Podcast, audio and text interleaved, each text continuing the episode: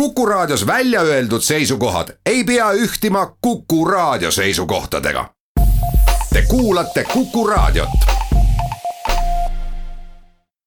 meil on üle mitme aja hea meel tervitada Kuku Raadio otsestuudios peaminister Jüri Ratast, tere päevast, Jüri. tere päevast ja suur tänu kutsumast. suur rõõm teid näha. Jüri, Eesti Pank esitas eile oma mõjuanalüüsi plaanitavale pensionireformile antud sisendite põhjal, mis ei ole muidugi täielikud. keskpanga hinnangul võib reform suurendada pensioniealiste vaesusriski ja samuti majanduslangus võib eest terendada. kas need argumendid, mida Eesti Panga tippjuhtkond eile välja tõi, kas need veenavad teid kui peaministrit, et pensionireformiga äkki peaks panema korraks stoppi ja vähe põhjalikumalt analüüsima, mida ette võetakse? ja et ma kõigepealt ütlen, et see, mida Eesti Pank ju, millega ta eile välja tuli, et eks selliseid Eh, hinnanguid Eesti Pank peabki andma.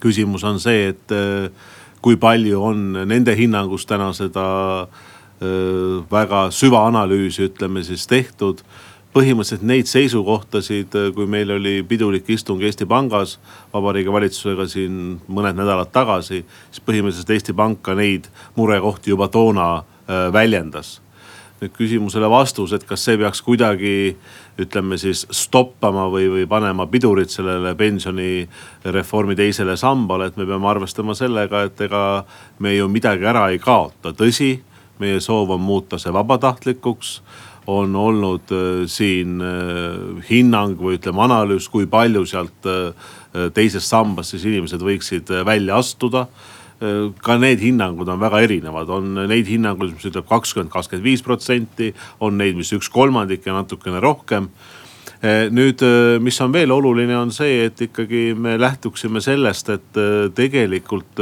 me peame hindama ka seda, kuidas esimese sambaga me edasi liigume ja esimese samba osakaalu, ütleme siis tulevikus tõstame. seda saame teha lisaks indekseerimisele erakorraliste tõusude arvelt ja tegelikult paljud eakad ju ütlevad, et, et meil on täna vaja teatud muutusi ja kui me vaatame täna ütleme selle teise samba osakaalu pensionärides, kellel see on, et, et see on seal kusagil circa kümme protsenti.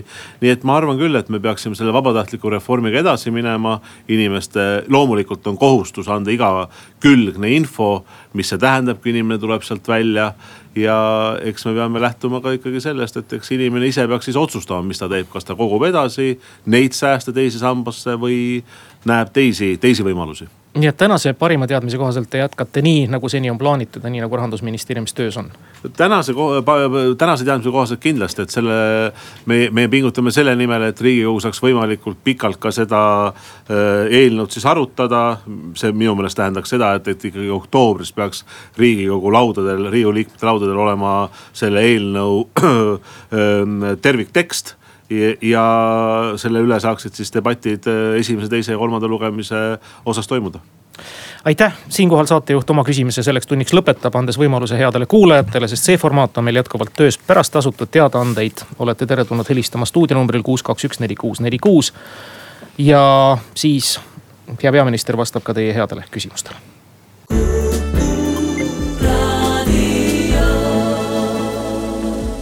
saate Tööriistad toob stuudiosse tööriistamaailm.ee head kuulajad, olete teretulnud helistama Kuku raadio otse-eetrisse numbril kuus, kaks, üks, neli, kuus, neli, kuus. peaminister Jüri Ratas vastab küsimustele, rõhutame, palun formeerige või formuleerige võimalikult lühidalt oma küsimus ja kommentaarid jätame mingiks muuks ajaks. esimene helistaja, tervist. tere Jüri, ma tean, et teie vanavanemad on olnud baptistid ja minu arust teie kuulute Oleviste kogudusse, on see, on see nii? tere päevast äh,, ei, mina ei ole Oleviste koguduse liige, tõsi, minu isa on. ahah, ja teate, ma tahangi nüüd öelda. aga küsige parem, ärge öelge. Mm. ja minu küsimus ongi see, et, et kas te teate, eks ole, piibli järgi Saul sai Pauluseks aga kuhu oli Saulus teel? millisesse linna, millises riigis, mis on tänapäeval ka olemas ja mis on tänapäeval tulipunkt, kuhu tema oli teel? ja kui ta nägi eredat taevast valgust ja kui talle öeldi, et sa oled minu tunnistaja aegade lõpuni kõikide rahvaste juures. aitäh see oli selline praktiline küsimus piiblist, Paulus oli teel Damaskusesse, vabandust, saatejuht vastas ise sellele küsimusele ära. kuus, kaks, üks, neli, kuus, neli, kuus, ootame nüüd riigielu ja inimeste hakkamasaamist puudutavaid küsimusi, tervist. no tervist, nüüd ma tahan Jüri käest küsida juba teist korda, te ükskord siin Kukus vastasite, aga hiilisite nii mööda, et ma nüüd küsin uuesti, mina olen pensionär. kõik räägivad nüüd sissemaksetest, kes neid maksavad, alles pole pensionärid. Aga pensionäridest ei räägi keegi, see on juba pensionärid. millal mina oma raha kasutada saan? mul on raha vaja kasutada, ma ei saa oma elu praegu sedasi, mul on vaja remondid ja siuksed teha kahjud, ma ei saa ju, pank ei anna laenu. neljasaja kahekümne euro eest ei ehita küttekoldeid. mis ma teen, mul nüüd on, päästeamet keelas kahju kütmise ära, nüüd ma jään siis lõket tegema tuppa. miks ma oma raha kasutada ei saa ja aitäh, aitäh teile selle küsimuse eest ja ma arvan, et see on tõesti üks osa ka sellest teise pensionisamba reformist. Teil on täiesti õigus, täna te ei saa seda kasutada ja, ja nii kord näeb ette, et ju te olete noh, ma ei tea kuulaja vanust, aga ju te olete siis äh, selle lepingu teinud. Äh, kui pikalt, mis osas teile äh, ka see teist sammast, kui teil üldse on teine sammas, sest no ütlesin ka ju saate sissejuhatuses, et tänase tänaste pensionäride ja eakate hulgas seda teist sammast on ikkagi väga vähestel, võib-olla seal ühel kümnendikul. see, mis te ütlete tõsi on see, et kui me olime Eesti Pangas, mida ma vastasin ka saatejuhile siin saate alguses, et ka mina küsisin seda, et kas arvestatakse ka näiteks sellega, et võib-olla mõned inimesed tõesti võtavad teises sambas selle oma osa välja. ütleme, et see on seal keskmiselt natukene alla viie tuhande euro inimestel ja tõesti parandavad oma, nagu te ütlesite, kas küttekollet või me võtame seitsekümmend üks protsenti eestimaalastest elab täna korterites, et parandab oma siis ela, ela, eluaset. me teame seda, et korterites on väga palju niiskusprobleeme, hallitusprobleeme. et kas ka seda noh arvestatakse, et elu, elukvaliteet sellega ju oluliselt tõuseb, nagu te ütlesite. Teil on kültekolde mure, nii et jah, tõesti, tänasel hetkel seda võimalust ei ole. nüüd ma loodan loomulikult, et see oli selles mõttes halb, halb huumor, mis te ütlesite, ärge kindlasti tulekollet oma, oma siis lõket tuppa tehke, aga te rääkisite korra pensionitest, et äh, tänasel hetkel me teame seda, et järgmise aasta aprillist on tulemas siis erakorraline pluss indekseeritud pensionitõus ja kui me räägime seal keskmiselt tööstaažist nelikümmend neli aastat, siis see saab olema suurusjärgus nelikümmend viis eurot kuus. kuus, kaks, üks, neli, kuus, neli, kuus, telefon on taas helisenud, tervist. Tervist, härra Ratas. Tahaks oma murest teile rääkida, elame täitsa nagu pommi peal. üheksakümne neljandal aastal tegime, tahtsime teha testamenti. notar ütles, see on väga lihtne, tehke, see ei ole kindel, tehke kinkeleping, mina nõus ei olnud ja mees nõustus. tehti, notar tegi nii ruttu selle kinkelepingu ära ja jättis kõik tähtsad asjad sisse panemata, kõik andmed on valed. Järjekord oli ukse taga, tehke ruttu allkiri. ja ma võtan järgmise. Panime allkirja, tulime koju, siis hakkasime alles lugema. elu läks ilusti edasi, poiss läks vägivaldseks, läksime kaks tuhat kuus, ta tuli minule kallale, mehele kallale, mulle tuli kõri kallale. Tegime avalduse ka politseisse, sealt öeldi, et kui pole täide viidud Eh, eh, siis on ainult hoiatus, andsime asja eh, kohtusse. kohus, et me, minu allkirja ei ole, palusime, ekspertiis tegi meile Kasemäe firma tegi ekspertiisi, et minu allkirja ei ole, kinkelepingul on ainult kaks allkirja ja nüüd lõpptulemus oli see, tahtsime selles kohtus tõestada, et see minu allkiri ei ole, maksime kuusteist tuhat, need on kroonides, kohtusse. ja kohtunik ütles, viisime oma ekspertiisi, see on ebausaldusfirma. proua, palun, äkki saate küsimuseni nüüd? ja tahan küsida, kuidas me saame elada siin, kui on kinkeleping on õigustühine. eile õhtu oli jälle kaks masinat ninapidi meie väravast pimedas, kaks meest tuli välja. tegelikult Jüri Ratas, ma tahaks isiklikult teie juurde tulla.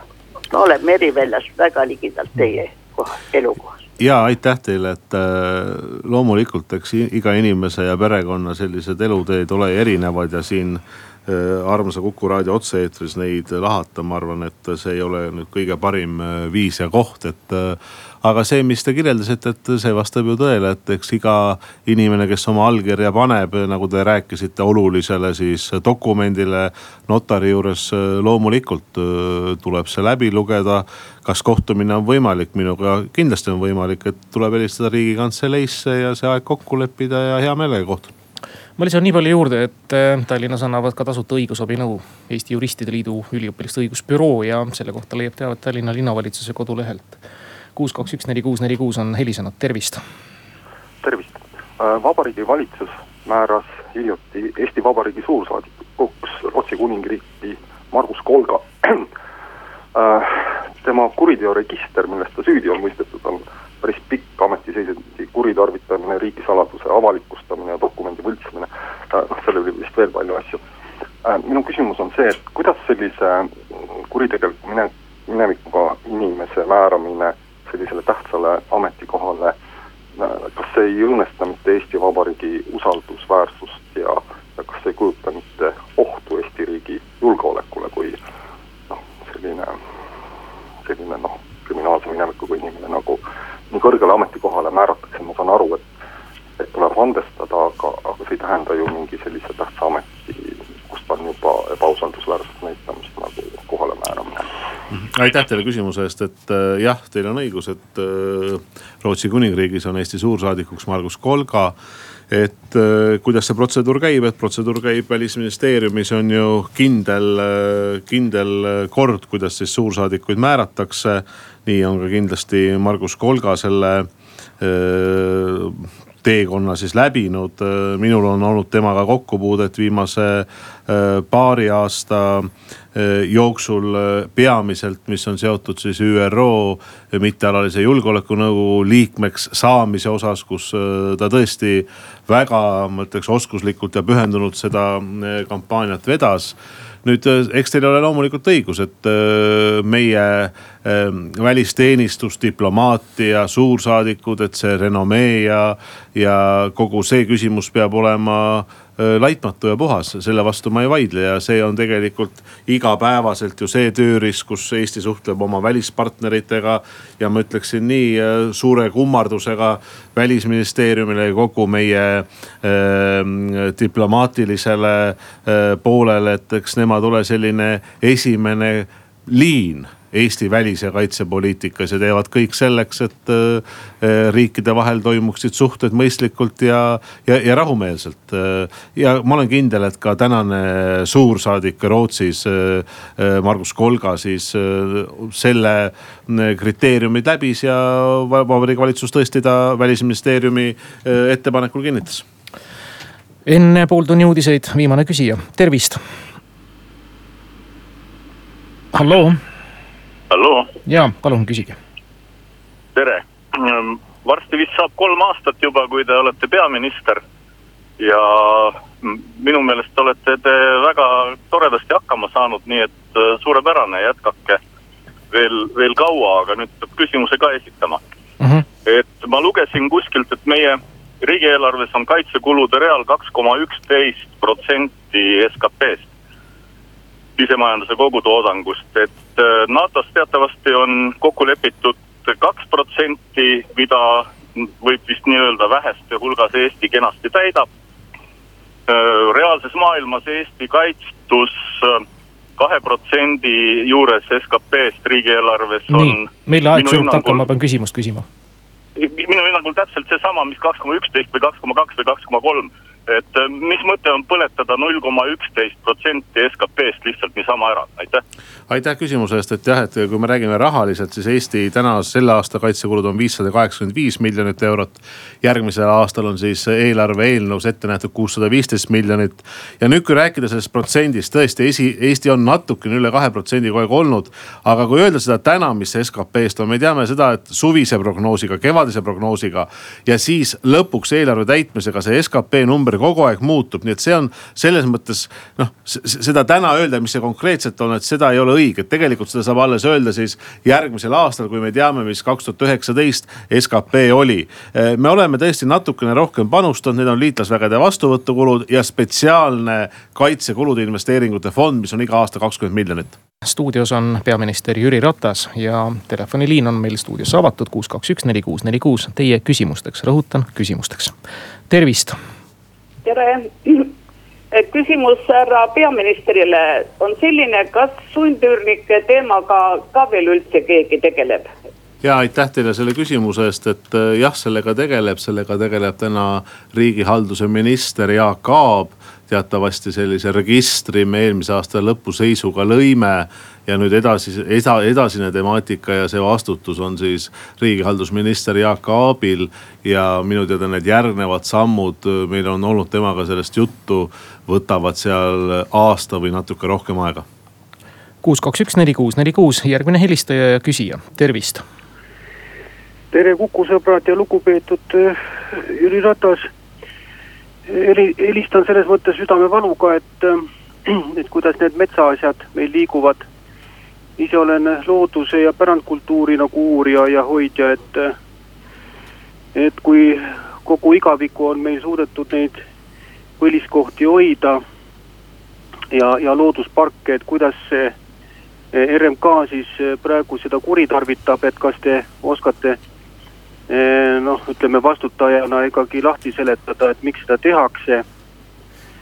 ja, ja, ja teine, teine võib-olla küsimuse osa oleks, et, et mismoodi see kajastub siis eh, see roheline kuld rahva heaolus, et, et kuhu see, kuhu see raha läheb? aitäh. aitäh teile küsimuse eest, et äh, kindlasti ma olen seda meelt, et mets on meie väga suur äh, rikkus ja vara, punkt üks. Äh, äh, punkt kaks on, ma arvan, see, et ka metsa majandamine peab olema oluline majandusharu. kindlasti siin on oluline osa keskkonnakaitsel. vaadata üldse Eesti metsasust, siis meie kogu ajaloos, ütleme saja ühe aastases Eesti riigi ajaloos. Eesti metsasuse protsent meie pindalast on tublisti kasvanud kui ta oli seal kahekümnendate aastate alguses kakskümmend üks, kakskümmend kaks protsenti, siis täna ta on viiskümmend üks, viiskümmend kaks protsenti. RMK riigimetsasid majandab, see vastab tõele ja majandab neid siis võimalikult äh, hästi, parima äranägemise järgi Ehm, noh, ma saan aru, et teil oli kriitika just RMK suhtes, et äh, kas see, ma, see ei tulnud küsimusest päris täpselt välja, kas see oli seotud kuidagi pärandku, pärandkultuuride või hoidmisega või see oli seotud liiga suure raiemahuga.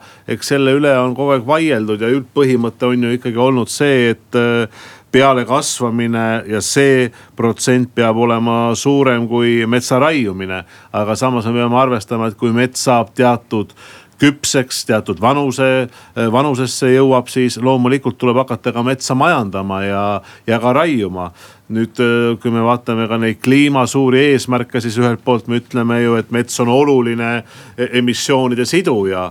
aga teiselt poolt, kui mets teatud vanusesse saab ja, ja ta vanus siis kasvab, siis ühel hetkel ta hakkab ise emiteerima kasvuhoonegaase, nii et selles osas kindlasti tuleb seda tasakaalupunkti hoida kuus, kaks, üks, neli, kuus, neli, kuus on stuudiotelefon, stuudios on peaminister Jüri Ratas vastamas teie küsimustele, tervist.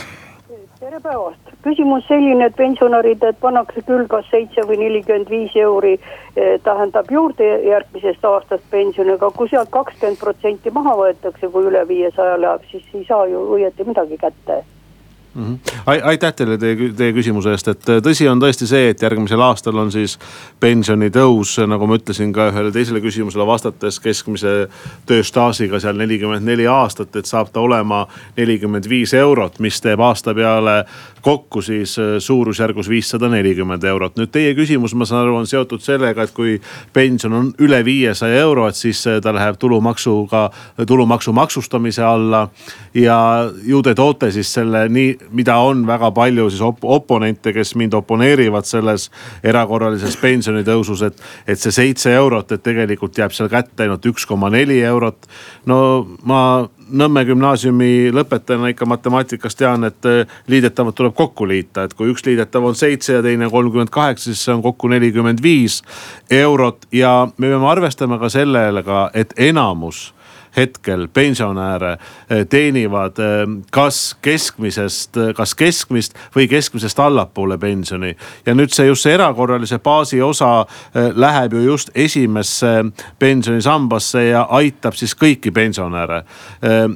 ja minu meelest see on natukene selliseks noh, seda ei saa nagu naeruvääristada, et kas me tõstame pensionit üks euro või kaks eurot või kolm eurot või nelikümmend viis eurot, et need on kõik inimesed, kes on oma tööd ausalt teinud ja kindlasti väärivad iga euro tõus, tõusu osas. erakorralist pensionitõusu viimati tehti kuskil kaksteist aastat tagasi, toona oli sotsiaalministriks Jaak Aab ja ma lasin välja võtta, et kui palju siis see nelikümmend viis eurot tänasel hetkel tähendab, siis öeldakse nii, et see on viimase kümne, üheteist aasta kõige suurem äh, pensionitõus ja loomulikult see on esimene samm, et ma saan aru, et öeldakse, et Keskerakond lubas sada eurot järgmisest aastast, see on siis indekseerimine pluss erakorraline pensionitõus, et tuleb ainult nelikümmend viis. Äh, me peame arvestama oma rahaliste reaalsete võimalustega tänasel hetkel ja kindlasti need teadmised on paremad kui need olid veel ütleme kaheksa, üheksa, kümme kuud tagasi. aga eh, nagu ma ütlen, et ega sellest eh, erakorralise pensioni eh, tõusust lisaks indekseerimisele ma olen täiesti veendunud, et ka see tuleb järgmisel aastal arutelu alla, kui me arutame kahe tuhande kahekümne esimese aasta eelarvet. kuus, kaks, üks, neli, kuus, neli, kuus, täna küsijatest kindlasti puudus ei ole, tervist. Nii, jõuti toru ära panna aga kordame numbrit kuus, kaks, üks, neli, kuus, neli, kuus, kuhu on oodatud siis Kuku kuulajate ja küsijate küsimused meil otse-eetris nendele vastavale peaministrile. ja senimaani, kuni helistaja ennast kogub ja meile telefoniliinile võtab, me loeme siit ühte värsket BNS-i uudist, mis puudutab poolteist päeva ametis olnud Marti Kuusikut. Jüri Ratas, teil on vist võib-olla varsti üks kohtukutse tulemas tunnistajaks Kuusiku küsimuses. ehk siis nagu me siit loeme, halduskohtus toimunud esimene istung, kus Marti Kuusik nõuab äh, hüvitisena kolmkümmend kaks tuhat eurot riigilt oma noh, väidetavalt siis ebaõiglase või iseseisva lahkumise eest. et selle seos tuleb selgitusi jagada, et kuidas siis asjad tegelikult olid tol päeval, kui Marti Kuusiku lahkumine jutuks oli, kas te lubasite talle lahkumishüvitist selles määras või mitte? ja et äh, see kohtumine tõesti aset leidis, see oli minu kabinetis, seal osales äh, minu siis büroo äh, juht, seal osales siseminister ja, ja rahandusminister. Äh, toona siis Marti Kuusiku äh, ütlus või, või siis ettepanek oli see, et ta lahkub omal soovil ja oli temal ka küsimus, et kas see tähendab mingeid hüvitisi. ta tõi just paralleeli eelmises valitsuses, äh, kui Jaak Aab oli lahkunud ministriametist ja, ja küsis, et kas see on samadel alustel lahkumine. mina ütlesin, et Jaak Aab lahkus omal soovil ja ka tema lahkub omal soovil. siis oli küsimus selles hüvitise maksmises, seda keegi talle ei lubanud ega saanudki lubada, sest juba toona kui Jaak Aab lahkus, olid vaidlused tegelikult rahandusministeeriumi ja riigikantselei vahel selle hüvitise maksmise osas. ja mina kindlasti pooldasin seda seisukohta, et noh, kui lahkutakse omal soovil, siis sellist hüvitist maksta ei saa kuus, kaks, üks, neli, kuus, neli, kuus, meenutame meie stuudio numbrit ja helistaja on liinile jõudnud, tervist. tere. küsimus peaministrile, ta demonstreeris, et Nõmme gümnaasiumis matemaatikatunnis oli ta tubli. siit küsimus, mis on see Eesti linn mille elanike arv seisuga jaanuar kaks tuhat üheksateist on tuhat kuussada viiskümmend ma kindlasti ei oska seda peast öelda, aga ma lihtsalt pakun, et see võib-olla on siis äh, Mõisaküla, kui te, kui te nii küsite, aga, aga ei, ei oska, ei oska täpselt teile öelda. ei olnud õige vastus. aitäh. see on Loksa linn ilmselt. aga hea küll, kuus, kaks, üks, neli, kuus, neli, kuus. ootame järgmist helistajat, kui kellelgi on küsimusi peaministrile ja väga erinevatel teemadel tuleb täna siis peaministril vastata, tervist. halloo. ja tere. tere. Eh, minul on küsimus teise samba kohta. Eh, hakatakse jälle tegema ekspertide tööd selle teise samba kallal et eh, aga kas üldse kunagi on keegi välja arvestanud, et kui palju inimesed kaotavad esimesest sambast raha, kui nad saavad kui neil on teine sammas olemas. Mm -hmm. aitäh teile küsimuse eest, et. aga, aga ma või toon ühe näite veel, ma olen oma abikaasal välja arvestanud, ta kaotas tähendab kaks aastat läks neid sotsiaalkindlustusaastaid kaduma sellega. ja, ja kui see nüüd praegu korrutada, nüüd viimane kord oli indekseerimisega oli aastahinne kuus koma kuus kaks seitse. kui see korrutada kahega, ta kaotab iga kuu kolmteist, üle kolmeteist eurot. ja praeguseks ta on kaotanud kaheksa aastaga, mis ta on pensionil või pensionisaaja, eh, on ta kaotanud tuhat kakssada eurot esimesest sambast. ja, ja nüüd eh, ja ütleme, need, kes on juba madalapalgalised, eh, kes saavad pensioni juba noh, juba lõpetanud selle saamise, sest nad said valida ju kestvusaja. ütleme kümme või kaksteist aastat. ma tean inimest, kes sai kakskümmend viis euri juurde kümme aastat. nüüd lõppes see äkki ära, see sai otsa. ja nüüd ta saab edaspidi kakskümmend viis euri kogu aeg vähem, pluss veel esimesest sambast, mis ta äh, kaduma läks. ja seda sa saab elu lõpuni vähem esimesest sambast. ja, ja, ja reformierakondlased kogu aeg kiidavad, et vot siis alles vaesus tuleb, kui nad sinna ikkagi see madalapalgaline seal teises sambas ei ole. see proua. on tegelikult madalapalgaliste see pensionäride palun. ja ma, ma tänan teid selle küsimuse eest, et minu vastus on järgmine, et äh, see, et üldse täna äh, tänane valitsus seda teise samba pensionireformi teeb ja ma veel kord ütlen, et midagi ju ei lõpetata ära, vaid muudetakse vabatahtlikuks äh, teise samba kogumine siis. Äh, tõsi on see, et Eestis on olnud äh, tootlikkus ja halduskulud pensionisammaste puhul ühed kõrgeimad halduskulud, tootlikkuse osas on see on olnud üks madalamaid ja see ongi see põhjus, miks paljud inimesed ei ole tegelikult ju nende ootused, kui nad alustasid teise sambasse kogun-, kogunemist, ei ole täitunud nüüd äh, tõsi on ka see, et kui inimene on teise sambaga liitunud, siis äh, automaatselt ju kahekümnest protsendist, mis sotsiaalmaksust pensioniteks läheb, läheb esimesse sambasse kuusteist, mitte kakskümmend protsenti. ja neli protsenti läheb siis teise sambasse. nii et äh, ma arvan, et ka see vabatahtlikkuseks minek ja see reform peaks ka siis ju teist poolt, kes tõesti erinevaid fonde ähm, pakub kus inimesed saavad oma sääste panna, kus nad saavad liituda teise pensionisambaga. et ka ne, nad mõtleksid siis palju aktiivsemalt selle peale kuidas seda tegelikult tootlikkust inimeste jaoks tõsta. ja neid näiteid on päris palju, et äh, ma tean ka oma generatsioon, oma vanuste hulgas, kes ütlevad, et mina hakkasin koguma, ütleme seal seitseteist, kaheksateist aastat teise sambasse. teine sõber ütleb, et tema ei hakanud ja on neid näiteid tõesti, kes ei hakanud koguma teise sambasse ja täna on suutnud rohkem tegelikult säästa. nii et eh, eks see sõltub ikkagi ka väga palju äh, iga inimese sissetulekust. stuudios on peaminister Jüri Ratas vastamas teie küsimustele, tervist. tervist, tervist, härra peaminister, selline küsimus, et mis meil nüüd saab siis sellest kütusest. kas hakatakse seda palmiõli sinna segama või ei hakata? Aitäh. ja aitäh teile ja tere päevast ka teile. et mul oli just täna kohtumine Õliliidu ja erinevate siis äh, ütleme ettevõtetega, kes kütusega tegelevad, et äh, oli just äh, arutelu all see, et mis need tulevikukütused siis on, et kui me räägime fossiilsetest kütustest ja räägime siis keskkonnasõbralikest kütustest. no päris tõsised arutelud olid kuidas siis Eestis näiteks vesinikku toota, tõsi, oli ka juttu sellest bio, niinimetatud biodiislist või biokütusest, loomulikult ka biometaanist. Nüüd, kui te küsite selle palmiõli as aspekti, siis ma arvan, et eks me peame ikkagi vaatama mitte ainult siis ütleme lokaalses, ka kontinendi mõttes seda, et kas ta on keskkonnasõbralik või selles mõttes tervikpildis ja selles osas on teil õigus, aga minu meelest me peame ka tõsiselt mõtlema ikkagi Eestis selle peale, kuidas e e Eestis me suudaksime e, vesinikku toota ja mitte ainult toota, vaid kuidas oleks ka siis neid, on see ühistransport või ka on need sõidukeid ja loomulikult tanklavõrk, kuidas seda edasi arendada.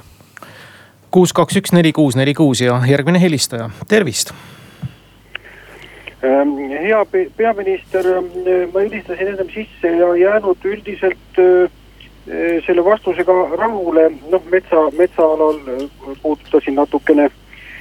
Et me saame ju kõik aru ju metsa vanusest ja, ja, ja, ja loogilisest raiest.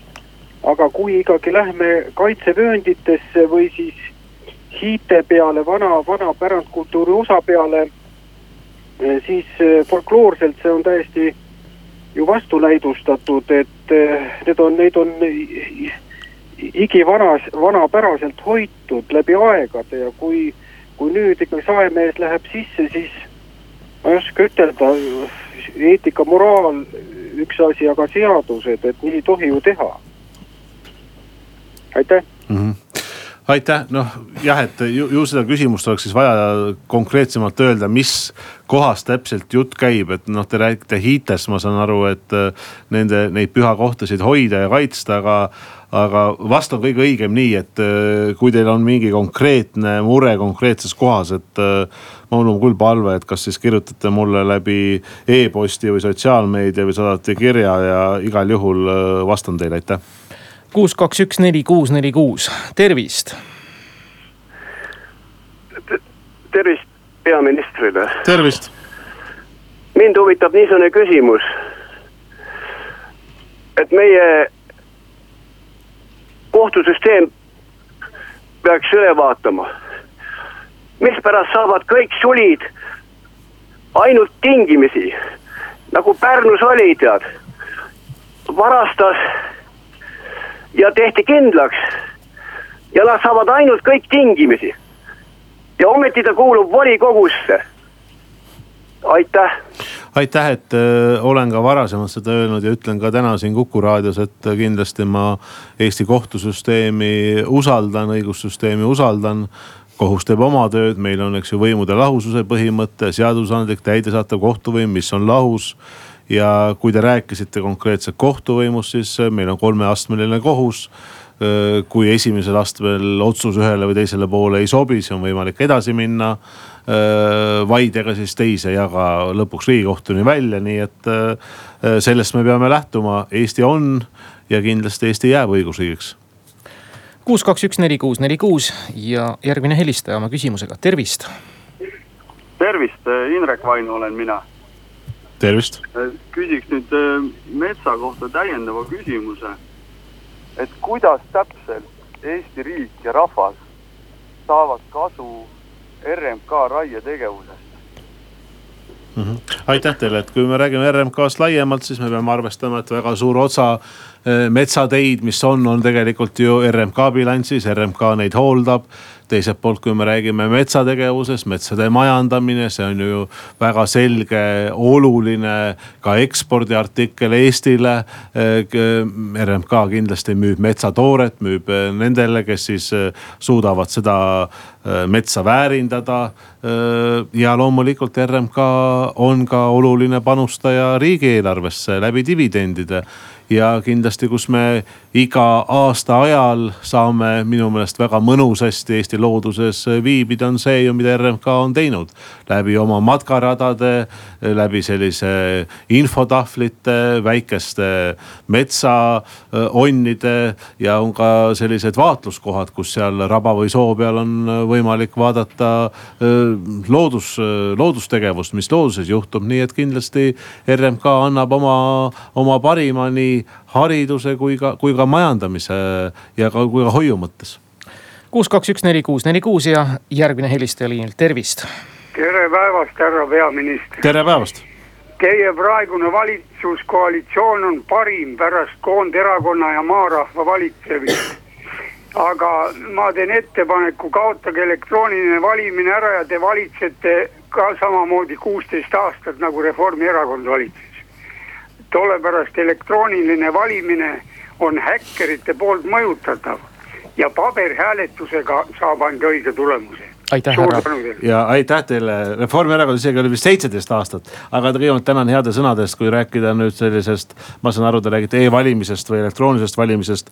kahjuks on võimalik ju mõlemaid valimisi häkkerite poolt, nii pabersedeleid kui ka siis elektroonilist valimist on neid häkkimis või võltsimiskatseid võimalik teha, et meil on.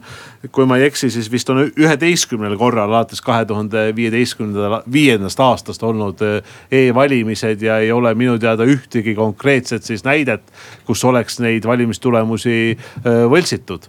ja me näeme seda, et ju Eesti inimestele pigem äh, on see osalusprotsent äh, valimis, eelvalimistel ja valimiste ajal kasvanud, kes teeb oma valiku e-teel, aga loomulikult ma olen täielikult päri, et turvalisus ja selline läbipaistvus, see on eelkõige meie aeg on sealmaal, et me peame kahjuks nüüd helistajate osas liini korraks kinni tõmbama ja avame ta siis juba meie teadmiste mänguaegu. suur tänu, peaminister tulemast, tänane saldo on kuusteist vastatud kõnet, pluss veel kolm küsimust ka saatejuhilt, see on väga hea saavutus ja järgmine kord saame püüda, püüelda juba siis uute sihtideni. see on umbes kuu aja pärast, nii et jälgige reklaami, aitäh, peaminister tulemast, tegusat sügiskuu jätku teile. suur tänu ja jõudu tarvis